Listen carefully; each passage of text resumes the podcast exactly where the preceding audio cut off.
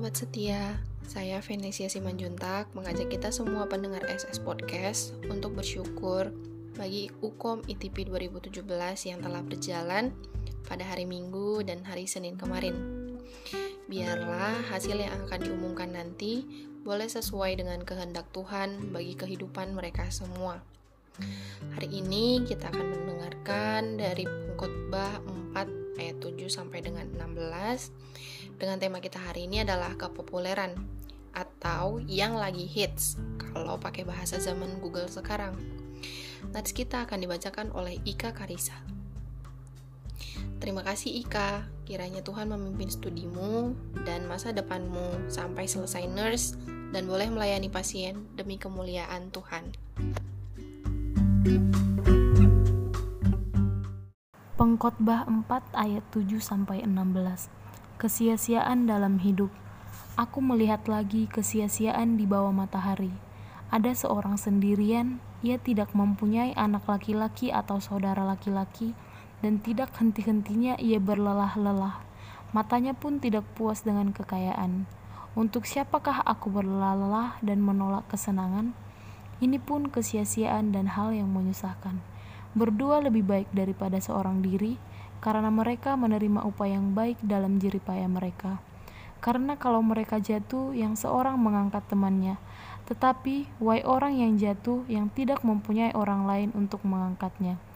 Juga kalau orang tidur berdua, mereka menjadi panas. Tetapi bagaimana seorang saja dapat menjadi panas? Dan bila mana seorang dapat dialahkan, dua orang akan dapat bertahan. Tali tiga lembar tak mudah diputuskan lebih baik seorang muda miskin tetapi berhikmat daripada seorang raja tua tetapi bodoh yang tak mau diberi peringatan lagi. Karena dari penjara orang muda itu keluar untuk menjadi raja, biarpun ia dilahirkan miskin semasa pemerintahan orang yang tua itu. Aku melihat semua orang yang hidup di bawah matahari berjalan bersama-sama dengan orang muda tadi yang akan menjadi pengganti raja itu. Tiada habis-habisnya rakyat yang dipimpinnya, namun orang yang datang kemudian tidak menyukai dia. Oleh sebab itu, ini pun kesia-siaan dan usaha menjaring angin.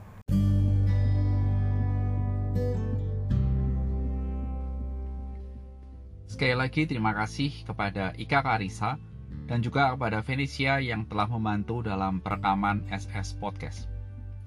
Mari kita berdoa sobat setia.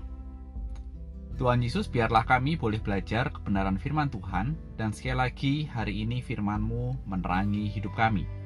Demi Kristus, amin. Sobat setia, kalau kita ditanya inginkah kita menjadi orang terkenal, apa yang menjadi jawaban kita? Saya rasa dalam setiap zaman, pasti ada orang yang ingin terkenal atau populer. Bahasa zaman Google saat ini adalah hit atau viral. Misalnya saat ini yang sangat viral adalah pasangan ganda putri peraih medali emas Olimpiade Tokyo 2021, Grace dan Apri. Dan terkenalan mereka ternyata membawa berbagai macam berkah secara finansial buat mereka berdua. Hal inilah yang saya percaya sampai dengan saat ini kira-kira banyak orang yang ingin terkenal atau dikenal dan berani membayar harga yang mahal demi sebuah kepopuleritasan dalam dirinya. Dan tujuan dari itu semua adalah supaya mereka bisa mendapatkan keuntungan dari kepopulerannya bagi banyak segi kehidupan. Dan ketika saya memberikan introduksi bagi perenungan kita hari ini seperti itu, setuju tidak? Rasanya pasti ada yang setuju meski tidak semua. Inilah juga yang bisa dikupas oleh Salomo dalam nats kita. Salomo yang terkenal di seluruh bumi pada saat itu namun pada akhirnya Salomo mengetahui bahwa popularitas merupakan hal yang fana dan sia-sia. Mungkin kita bertanya, kok bisa? Kenapa? Mari kita perhatikan penjelasan dari pengkhotbah. Pengkhotbah melihat dalam ayat 13 bahwa lebih baik seorang muda miskin tetapi berhikmat daripada seorang raja tua tetapi bodoh yang tak mau diberi peringatan lagi.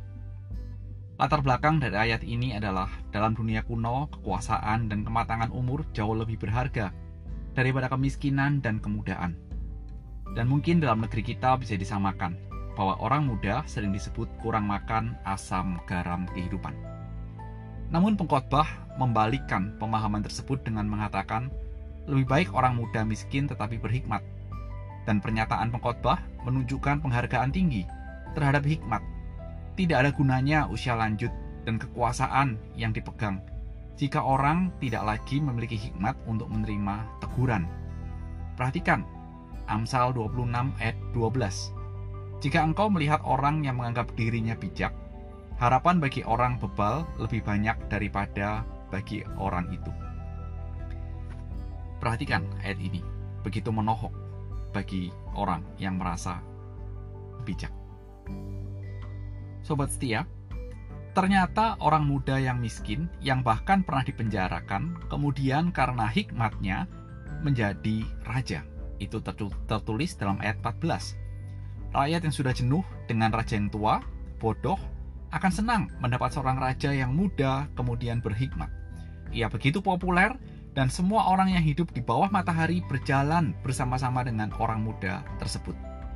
Pada awalnya, itulah suatu euforia yang benar-benar dirasakan. Dan tak habis-habisnya rakyat yang senang dengan orang muda yang menjadi raja itu. Benar-benar naik daun. Karena apa? Karena hikmatnya. Namun pada akhirnya Kisah kehidupannya ia tidak disukai oleh orang yang datang kemudian atau oleh generasi berikutnya. Dan menurut pengkhotbah, hal inilah yang merupakan sebuah kesia-siaan dan usaha menjaring angin, yaitu sesuatu yang fana dan tidak dapat dipertahankan. Dan kira-kira dalam beberapa episode yang saya lihat di YouTube, beberapa orang mengatakan selagi kita masih laku maka saya bekerja. Dan sebelum nanti tidak laku lagi, kita harus memikirkan apa yang berikutnya.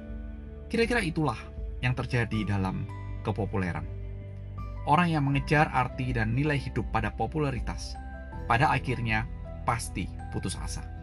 Sebab popularitas adalah sesuatu yang rapuh, fana, dan tidak tahan lama. Sampai di sini saya mengajak kita untuk berpikir dan melihat ke belakang Bukankah Salomo juga seorang yang populer? Dan dalam kepopuleritasannya itu, bukankah dia juga berhasil membangun bait Allah? Ada bantuan dari raja-raja yang menghormati Salomo karena kepopulerannya dan berhikmatnya dia. Bukankah itu satu hal yang menguntungkan? Sampai di titik itu, kita bisa melihat bahwa menjadi populer adalah tidak salah. Coba perhatikan kehidupan Kristus. Dalam Injil, Kristus pada saat itu sangat populer, meskipun Tuhan tujuannya lahir dalam dunia tidak mencari popularitas.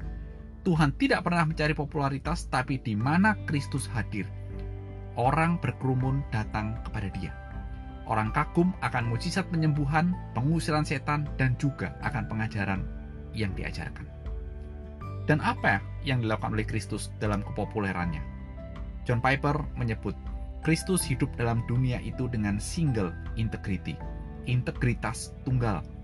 Bahasa sederhananya adalah hidupnya dalam dunia ini hanya untuk menggenapkan rencana Allah, yaitu untuk menebus umat manusia dalam dosa. Inilah prinsip yang Kristus berikan kepada umat manusia, kepada kita, umat tebusannya. Sobat setia, kita bisa melihat bahwa hidup dalam dunia ini bukan tidak boleh populer.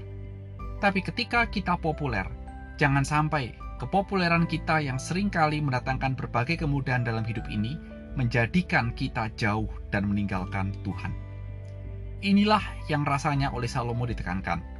Karena akibat kepopulerannya, dia jatuh dalam penyembahan berhala, mengikuti istri-istrinya. Fokus hidupnya berubah dan akhirnya meninggalkan Tuhan. Sobat setia, bila saat ini kita boleh merenungkan firman Tuhan dalam nats kita ini, kiranya nats ini boleh menjadi pedoman bagi kehidupan kita. Bahwa tidak ada yang salah bila Tuhan mengizinkan kita menjadi orang yang terkenal, menjadi orang yang populer. Tapi janganlah itu membawa hidup kita dalam segala kemudahan yang ada, akhirnya menjadi jauh dari rencana Tuhan atas hidup kita. Selamat hari Selasa, dan Tuhan memberkati kita semua.